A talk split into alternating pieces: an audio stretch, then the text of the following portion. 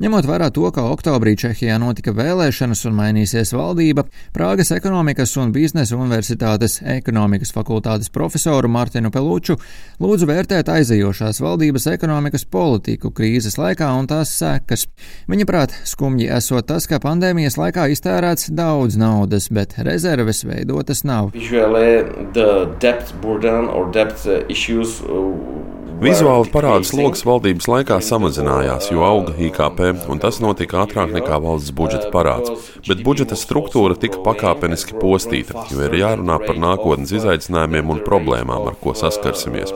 Un runa nav tikai par covid, bet arī par struktūrālām reformām, piemēram, pensijas sistēmā. Viņš uzsver, ka jebkurai nākamajai valdībai ir jāsagatavo būtiskas izmaiņas budžeta struktūrā, jo nebūs pietiekami daudz rezervju, lai finansētu finansētu valsts izdevumu tēriņus. Arī Čehija saņems savu daļu no Eiropas Savienības atveseļošanas fonda. Tie būs 7 miljārdi eiro. Būtisks noteikums visām valstīm ir naudas atvēlēšana zaļajai politikai.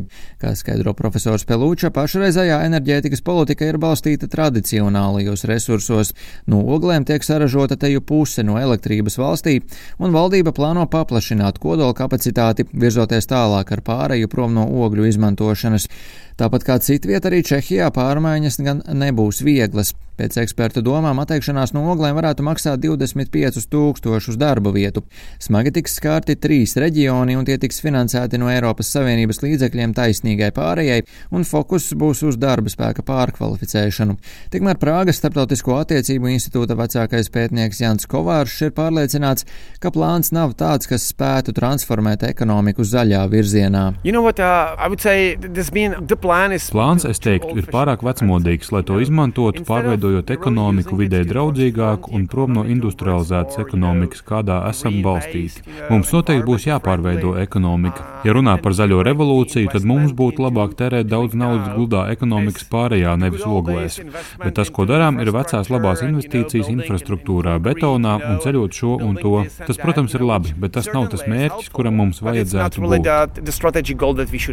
Lai gan Čehijas ekonomika pamazām atkopjas no pandēmijas, tas varētu nenotikt tik ātri.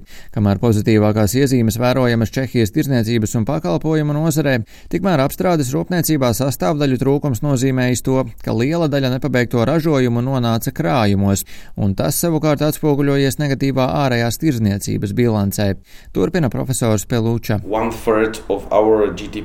Trešdaļa no Čehijas IKP ir balstīta industriālā sektorā. Kopumā šis sektors pērn bija salīdzinoši labā labā funkcionēšanas režīmā, un galvenās problēmas redzam šogad - piegāžu samazināšanās, mikroshēmu trūkums, un varu teikt, ka šogad šis sektors ir ietekmēts pat vairāk nekā pērn.